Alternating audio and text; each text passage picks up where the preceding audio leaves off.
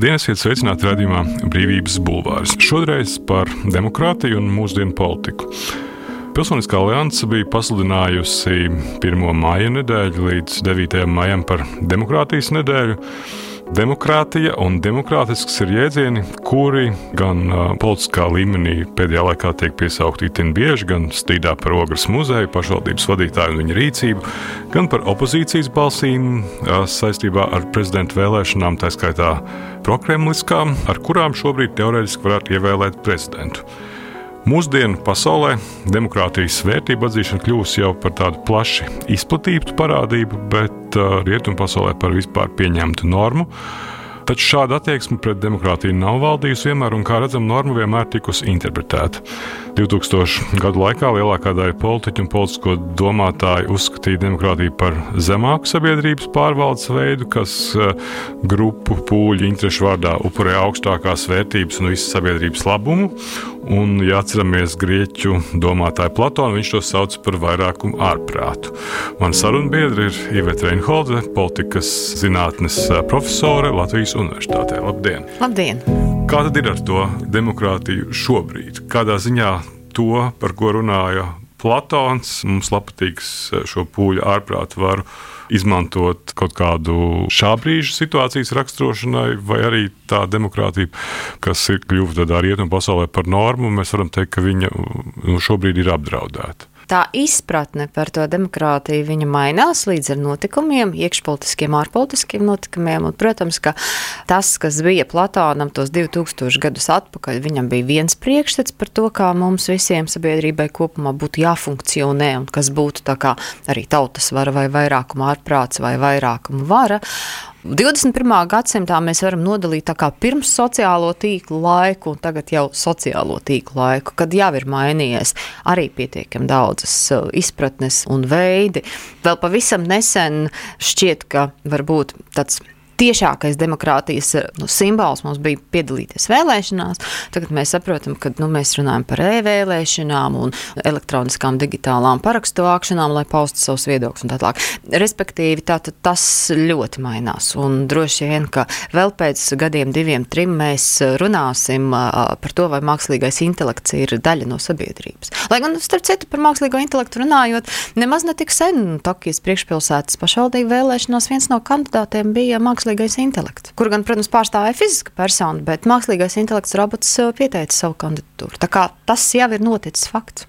Bet kādā ziņā nu, šis te, uh, pirms sociālo mediju laikmets demokrātijā un sociālo mediju laikmets, kur ir tā būtiskā atšķirība šobrīd, nu, kuras demokrātijas formas nu, atkrīt.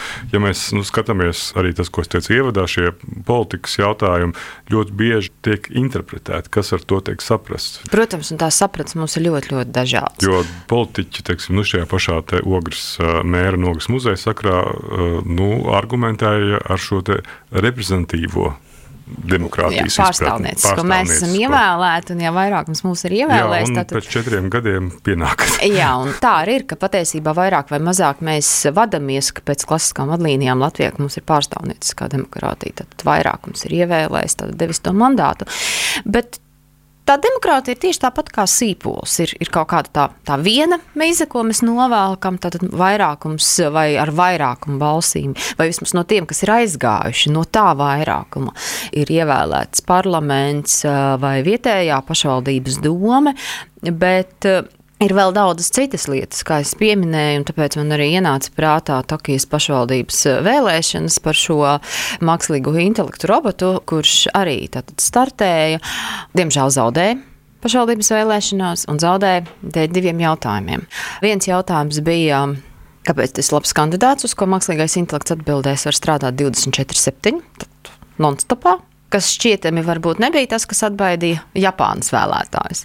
Bet otrs jautājums e, bija, ko mēs nu, kā vēlētāji iegūsim. Un tā interpretējot, tātad robots teica, es neņemu kukuļus. Un nekādos apstākļos es neņemšu kukurūzu, jo viņam ir ieprogrammēts to neņemt. Un tad bija tas jautājums, nu kā var būt absolūti, absolūti tā, ka ir demokrātija, ir mākslīgais intelekts, un, un nekādā veidā, nekad, nekādos apstākļos šo mākslīgo intelektu vai šo ievēlēto kandidātu nevarēs apvainot kukuļu ņemšanā vai kaut kādās aizdomīgās lietās. Nu, tātad, bet teorētiski mums to būtu jātiecas. Un atgriežoties varbūt no tāda mākslīgā intelekta pie mums, tā demokrātija, kā es teicu, ir tas sīpols. Mums ir viena lieta, kur mēs paužam savu viedokli caur vēlēšanām, bet daudz lielākā mērā tie pārējās tās sīpola mizas vai tie apvalki ir tie, kur mēs veidojam to demokrātiju nu, ikdienas līmenī. Sākot ar viselementārāko gatavību piedalīties daudzos pašvaldību pasākumos. Piemēram, iedzīvotāju padomus vai apkaimju padomus teorētiski un arī praktiski labs instruments. Tikai kaut kā tajā brīdī, kad ir jāiet un jāpiedalās, tā iedzīvotāju ja vēlme būt par apgājumas padomus locekli un tā kā vismaz pārstāvēt savus ielas intereses, pēkšņi, nu, kā lai saka, man ir citi darbiņi darām. Tad, tad tur vairs nav tāda aktivitāte. Tad pilnīgi noteikti mums ir jāpieliek klāt. Jā, nu, parakstu vākšanu, to mēs esam iemācījušies, un man ir par to prieks, ka mēs tagad esam gatavi caur manu balsi vākt parakstus. Ja pirms digitalizācijas nu, mums kā, bija šī pasīvā loma, nu, ko gan mēs tur varam. Nu, ir kaut kādas formālas lietas, un kamēr informācija līdz manim kā iedzīvotājiem atnāk, nu, tad paiet laiks. Tagad tā informācijas aprite ir dramatiski ātra. Atliek tikai kaut kam notikt sociālajos tīklos, un tad tas ir tas jautājums, kā mēs reaģējam. Politiskā atbildīguma ideālā modeļa disfunkcijas cēloņus ir ļoti ērti meklēt politiķos kuri nevienmēr spēj skaidri un pārliecinoši pamatot savu rīcību, un kuru tēls arī tādēļ daudzās sabiedrībās ir negatīvi ietonēts. Reizēm šāda nespēja var būt saistīta ar koruptīvām darbībām, tomēr biežāk to vērtē kā slikti pārdomātu lēmumu vai rīcību, kas citu iemeslu dēļ neatbilst pārstāvāmo labākajām interesēm. Vienlaikus būtu jāapsver arī citi faktori, kas varētu ietekmēt pārstāvu rīcību, rīkoties pārstāvāmo interesēs. Tā pārskatā par Tautas attīstību 2009. gadā rakstīja Iveta Reinholda. Šis pats nu, ogres gadījums un šī retorika, izteikumi par demokrātisko vairākumu. Kā vērtēt šo samērā klasisko demokrātijas problēmu, ko domāt par mazākumu? Jo es pieņemu, ka šajā gadījumā tie sociālo mēdīju komunikātori ir tas demokrātiskais mazākums. Jā, tur vienmēr būs demokrātiskais vairākums un demokrātiskais mazākums. Pozitīvā lieta, ka informācijas aprite notiek ātri, bet Tātad katram, kas ir tajā sociālo mediju tīklā platformā, ir ne tikai iespējas būt pasīvam vērotājam, bet viņš arī var aktīvi piedalīties nu, nosacīti šī demokrātiskā satura viedokļu veidošanā. Un te ir tā demokrātijas tā problēma, ka jā, tev ir tiesības piedalīties, bet tev ir arī pienākums pārdomāt, kā tu to dari, un tev ir arī faktiski pienākums šo līdzdalību piepildīt ar, ar jēgpilnumu. Tas ir tas stāsts. Tā kopumā man šķiet, ka es tagad varu mazliet, varbūt atkal brīvi interpretēt Platonu, bet Platonam un senajiem grieķiem bija tā doma, ka, nu, jā, vairākums nosacīts sanāk kopā lielajā fórumā un izlem svarīgākos jautājumus.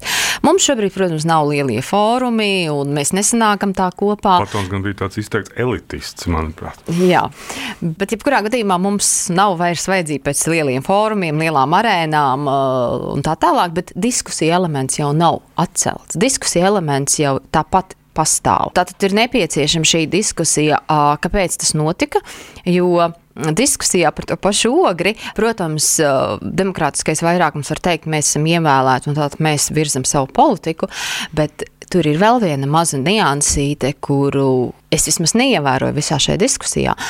Muzejs ir pašvaldības iestāde pašvaldības iestāžu vadītājus ieceļ un atceļ noteiktā procedūrā. Tātad, kāpēc visā šajā diskusijā neparādījās pašvaldības izpildu direktora viedoklis, pašvaldības izpildu varas skatījums uz to, bija pašvaldības politiskās varas skatījums, bija sabiedrības skatījums un bija muzeja viedoklis, bet pašvaldības izpildu vara, pašvaldības administrācija, tātad tai, kurai būtu jānobalansē intereses un jāatrod zināmā mērā līdzsvars, jo šajā stāstā maķinīt tā kā klusēja. Un tas man tā radās jautājums, labi, ja mēs atnākam atpakaļ pie 21. gadsimta demokrātijas, tad izpildu vara, vai tā ir izpildu vara nacionālā līmenī vai vietējā līmenī, ir svarīgs interešu balansējošs mehānisms. Nekas nemainījās. Virkni politisko līderu teica, ka tāda, diemžēl, ir demokrātijas spēles noteikumi. Twitter pēc saviem iekšējiem spēles noteikumiem nomierinājās. Jā, jo parādījās tas laiks, bija izlaists. Jā, jo tās sociālo mēdīju nu, veidotās demokrātijas vai digitālā laikmeta demokrātijas problemātika nav, ka viņš ir tāds. Nu, Laika nolaišanas nu, aizvietotājs. Nu, Jā. tajā situācijā, lai izietu ielās tādā kā klasiskās politiskās līdzdalības formās, sociālajie mediji kalpo kā tāds tvaika nolaišanas uh, Jā, pateicu, pateicu savu viedokli, pieliku savu mazo kripatiņu diskusiju. Jā, to, tas tā ir, ir problēma. Tā ir problēma, problēma. Tā ir problēma, tāpēc, ka mēs kļūstam. Es ilgi domāju, kā to labāk nosaukt. Tā ir tāda vērotāja demokrātija. Man ir ērti vērot un paust savu viedokli Twitterī, Facebookā. Instagram, vienalga, kur, jebkuros sociālajos tīklos, man ir ērti vērot un paust to savu viedokli tūlīt un tagad. Vai tomēr tas ir stāsts par to, ka mums ir daudz vairāk un biežāk jārunā kopumā arī Tāpat kā mēs šeit sēžam, mums ir jārunā arī par vērtībām, ko uzliek. Tāda ātrā komentēšana uh, sociālajos mēdījos, un pēc tam, kā saka, lai notiek kas notikdams, ātrais viedoklis, bet vai piemēram, ja es kā indivīds esmu pateicis ātrā viedokli, tad es būtu arī pēc tam, kā indivīds, gatavs, piemēram, veltīt tās darba stundas darba grupā, lai pieņemsim to scenāriju, patiešām izstrādāt attiecīgos grozījumus muzeja likumā. Un te ir tas nākamais, tas paradoks, ir viegli pateikt viedokli, bet ieņemt pozīciju, ka tālāko lai dara ierēģi. Un tad Kā saka, ierēģi to sadarīs tā, kā viņi to sapratīs, vai paies vēl laiks, un situācija būs nomierinājusies, un varbūt, ka vairāk nekādus tur grozījumus nevajadzēs. Bet pamat jautājums ir ne par tiem grozījumiem, pamat jautājums ir par līdzdalības veidu, par formu, un, protams, arī par kaut kādām tām vērtībām, ko mēs pēc tam vēstam tiem pārējiem, kas vēro šo procesu. Jo tajā nozīmē, tas nu, jautājums ir palicis neatrisināts. Ne. Es citēšu Polsku komandantāju Aivaru Ozoliņu, kurš žurnālā ir raksts, ka vēršanās pret muzeja ogrē ir tikai viena kauja pret demokrātiju. Līdzīgs simbolisks akts bija tilta izgaismošana ogrē Ungārijas karoga krāsās, un ja gribam zināt, kādu valsts iekārtojumu vēlas politiķi, tad ir jāklausās nevis viņu stāstos, bet gan jāparaugās, kādu valsts kārtību savās valstīs ir ieviesuši viņu apbrīnotie. Kā, nu, šis jau ir otrais gadījums, teiksim, konkrētā pašvaldībā. Jā, šis ir otrais gadījums, un no šiem gadījumiem principā ir jābūt nu, tām saucamajām mācībām, kas būs pēc tam. Jo demokrātijā, nu tā atkal klasiski, teorijā vienmēr ir tas uh, check and balances sistēma. Nu, ir kaut kādai darbībai ir pretdarbība vai kaut kādai darbībai ir pārbaudas darbība, lai ir tas nu, arī nosacīti uh, bremzējošais mehānisms, un tas ir tas būtiskākais. Tātad, vai šis bremzējošais vai nosacīt pārdomu mehānisms strādā? Nu, tā tad ir viena rīcība, tad ir uh, otra rīcība, kurai nekas neseko. Jo te ir vēl viena lieta, varbūt es, es to pagriezīšu vēl savādāk. Pietiekami daudz teorētiķi arī runāja ceļš publiskās pārvaldes jomā, ka nacionālā līmeņa politiskie līderi izaug no vietējā līmeņa. Un, respektīvi, ir vesels vietējā līmeņa politisko līderu koncepts, ka viņiem tur ir jāaug, jāizmēģina savas idejas, pašvaldību teiksim, teritorijas, ir sava veida.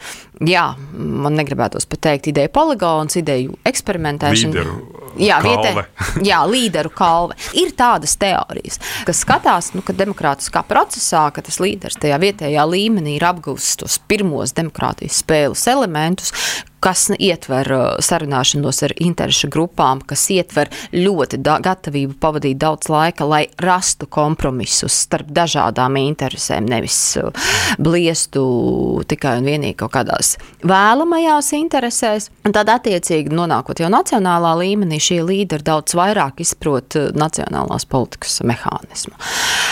Un no tādas perspektīvas Jā, mums pašvaldībās var redzēt, veidojās spēcīgi līderi.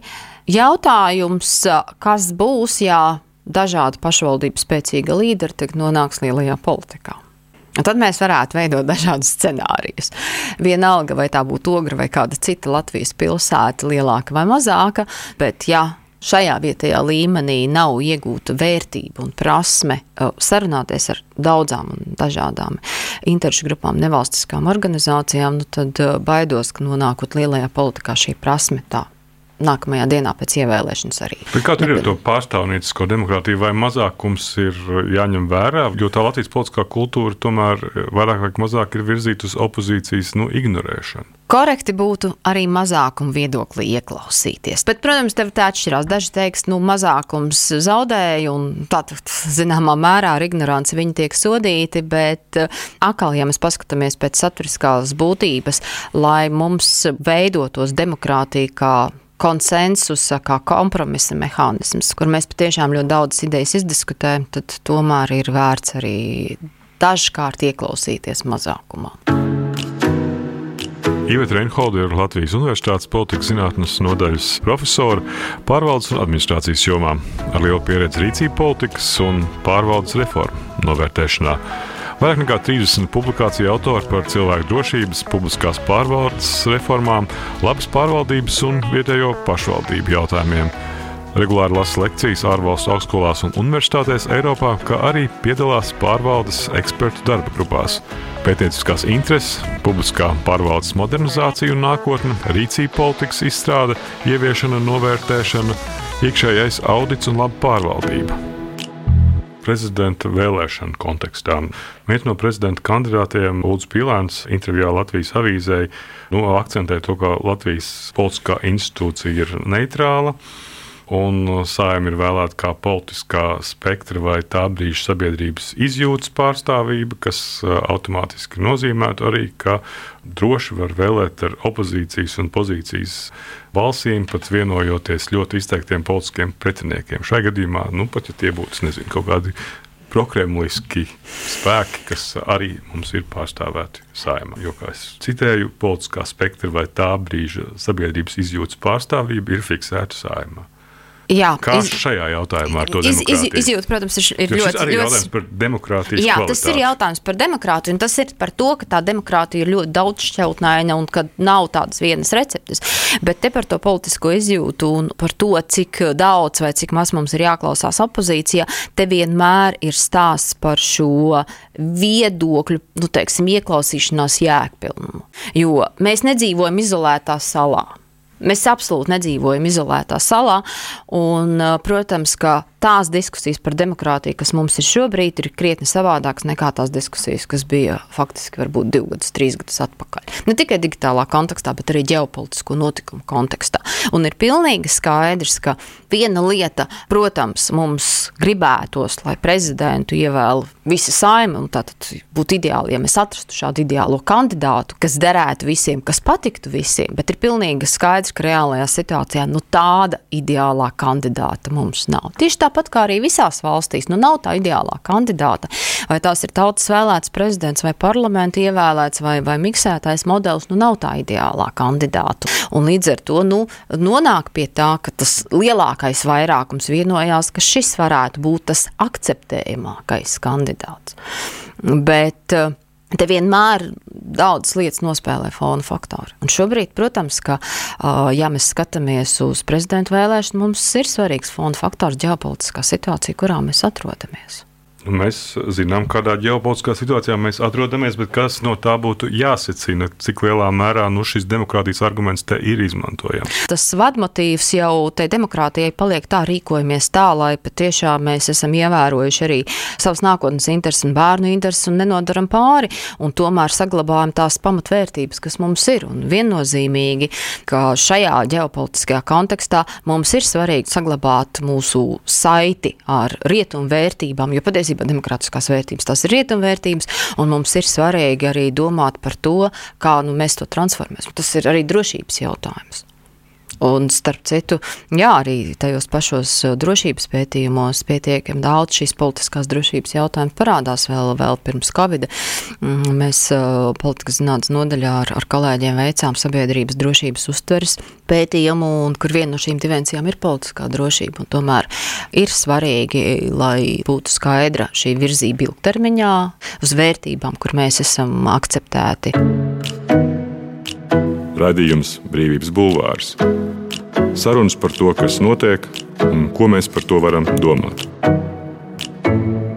Pagājušajā mēnesī Sājumas darba kārtībā atgriezās arī jautājums par tautas vēlētu prezidentu, kur iniciatīvas virzītāji teica, ka mērķis ir nākamo divu, trīs gadu laikā šo jautājumu izskatīt parlamentā. Varētu teikt, ka nekā jauna, ik pa laikam nu, šis jautājums ir, vai kaut kas ir mainījies nu, šajā periodā, kopš Latvijā nav tautas vēlētā prezidenta, bet kopš šī diskusija eh, katru ik pa trim, četriem gadiem patiešām atgriežas. Mēs ik pa brīdim diskutējam, mums jau tas ir gluži tāpat kā ievārījuma vārīšanas. Jo tie institīvas autori saka, ka tautas vēlēs prezidents paplašinās demokrātiju un vairos patriotismu. Ko nozīmē paplašinās demokrātija? Jā, nu, tas ir tas tāds, ka mēs tā, mums patīk spēlēties ar vārdu demokrātija, bet tomēr uh, es pieturētos varbūt tad, tad saprotam, ka demokrātija tās ir gan mūsu tiesības, gan arī pienākumi. Pienākumu piedalīties kaut vai pašās vēlēšanās, un te daži sabiedrības pārstāvi nemaz nav tik naski piedalīties vēlēšanās. Gan partijas, gan sabiedrība, gan mēdīja visādos veidos mēģina uzrunāt, ka tas ir tavs pienākums. Un šajā kontekstā arī ik pa brīdim atgriežas diskusijas par administratīvo sodu par nepiedalīšanos vēlēšanās, vai tas motivēs vai nemotivēs cilvēkus. Un tad cilvēks saka, nē, tās ir manas tiesības, bet nē, tas varbūt tomēr ir tavs pienākums piedalīties. Tā, tā, tā ir viena lieta. Tieši tāpat ar abrīnojumu regulātoru mēs runājam par tautas vēlētu prezidentu. Ja tiek piesauktas demokrātiskās vērtības, tad es uzreiz jautāju, jautāšu tā ļoti praktiski, kādas funkcijas mēs tautas vēlētam prezidentam ieliksim. Ja viņam ir tieši tādas pašas funkcijas kā šobrīd, vai tas mainīs prezidenta institūciju kā tādu? Kāds mēs... no laikam, politiķiem bija teicis, ka tie satvērsmes tēvi eh, šo punktu ielika tāpēc, ka negribēja toreiz pieļaut, ka Rainis tiek ievēlēts par tautas vēlētu prezidentu. Es gan domāju, vai tiešām tas sanāk? būtu slikti, ja būtu bijis ievēlēts, vai Latvijas vēstures kurs būtu bijis savādāks. Nu, grūti pateikt. Dažkārt jau piesauc arī to, ka Rainis tomēr pēc savas pārliecības bija, bija tuvāks sociāldemokrātiem. Bet kas zina, kā tas būtu bijis? Mēs varam tikai veidot scenārijus, bet mūsu konkrētajos apstākļos pirms braši runāt, ka vēlam tautas izredzētu prezidentu, parunām arī par to, ko tas prezidents darīs. Un vai tad mainīsies varas līdzsvars starp parlamentu un prezidentu, starp parlamentu un izpildvaru? Stāsts ir par to, jo mm, tie paši satversmes tēvi satversmē ir ielikuši klasisku parlamentāro demokrātiju. Tad tomēr parlamentam ir visvairāk varas. Un tas ir tas jautājums, cik tas parlaments to varu izmanto un cik prezidents uzrauga parlamentu. Jau caur manis pieminētajiem otrreizējai caurlūkošanai atgrieztajiem likumiem. Tad cits jautājums saistībā ar šo partiju demokrātiju ir arī prezidenta Levita virzītie grozījumi politisko partiju finansēšanas likumā. Proti, ka mērķis ir panākt liederīgāku valsts naudas izmantošanu partijās. Vai jūs, prāt, šie līdzekļi, vērojot to, kā tie tiek izmantoti un kā notiek cīņa par šo līdzekļu sadali, cik tā ir liederīga un, un kādēļ jūs, prāt, ir šāda iniciatīva no prezidenta puses? Viņš ir rosinājis, ka semināriem, kongresiem, konferencēm, pētniecības darbiem, aptaujām jauniešu organizācijām būtu jāizlieto vismaz 30% no attiecīgā gadā piešķirtā. Atcerēsimies sākotnēji ideju par to, ka partijām pienākās kaut kāds valsts finansējums, bija stiprināt partiju kapacitāti, taisni tātad šajā demokrātiskajā elementā, sarunas ar vēlētājiem, jaunu biedru piesaiste, komunikācija un tā tālāk. Tad, tas tomēr ir tas pamatpirma elements. Jā, jauniešu piesaiste, sarunas ar vēlētājiem, dažāda veida komunikācija ar vēlētājiem un tā tālāk. Tas ir, jo, protams, kad eh, es saprotu, ka partijām ir tendence dzīvot savu dzīvi un maksimāli aptver daudzus jautājumus, bet kur tad paliek tas vēlētājs? Ar viņu ir jārunā vienalga kādā formātā. Klasiskās Romas demokrātijas formātā vai senās Grieķijas demokrātijas formātā vai modernajā digitālajā formātā, bet ar tā vēl vēlētāju ir jārunā. Modernās demokrātijas pamatā ir pārstāvniecības ideja. Ar katru jaundzimušo pilsētas iedzīvotāju arvien vairāk attālinoties no antīkajiem tiešās demokrātijas ideāliem, mūsdienu politikas teorētiķi un praktiķi savu uzmanību turpina pievērst iespējami labākas pārstāvniecības nodrošināšanai. Tiesa pēdējos pārdesmit gados ir atjaunojusies interese par tiešākiem demokrātijas modeļiem, taču šķiet, ka pagaidām tie vairāk līdzinās laboratorijas izmēģinājumiem, nevis aprobētāju masveida produkcijai. Savukārt pārstāvēšanas princips mūsdienās ir cieši saistīts nevien ar lielāku pārstāvja rīcības brīvību pārstāvāmo interešu aizsardzībai, bet arī ar atbildīgumu. Ja pārstāvis ir rīkojies pretēji pārstāvāmām interesēm, tad pārstāvim ir jāskaidro un jāpamato sava rīcība, bet pārstāvāmajam ir tiesības vērst sankciju pret pārstāvi. Tā Iveta Reinholde pārskatā par tautas attīstību 2009. gadā. Bet, ja mēs nu, atgriežamies uz šo politiskās līdzdalības jautājumu, man personīgi vērojot šo Krievijas Savienības pulcēšanos, es atsaucu atmiņā samērā izplatītu parādību Vācijā, kurā tad, kad uh, pulcējās labējie radikāļi, vienmēr ir uh, izteikts antifašistu pulks, kuri ar svilpēm un svilpītēm mēģina nomākt un kliekšanu apklusināt šo pulcēšanos, un kas ir pavisam cita politiskās līdzdalības forma nekā protestēšana sociālos medijos, Twitterī vai Facebookā. Mums šī parādība ir diezgan maz izteikta. Šāda veida politiskās līdzdalības formas, kā iziešana ielās. Mums ir ļoti maz, jo saka, mēs taču esam ļoti aizņemti. Mums paši mēs ik pa brīdim viegli ieķiķinām, ka, ja vēlēšanas iekrīt rudenī un labā laikā, tad, tad varētu būt maza līdzdalība, jo tad būs jālas karpeļi ļoti svarīgs aspekts, vai ne?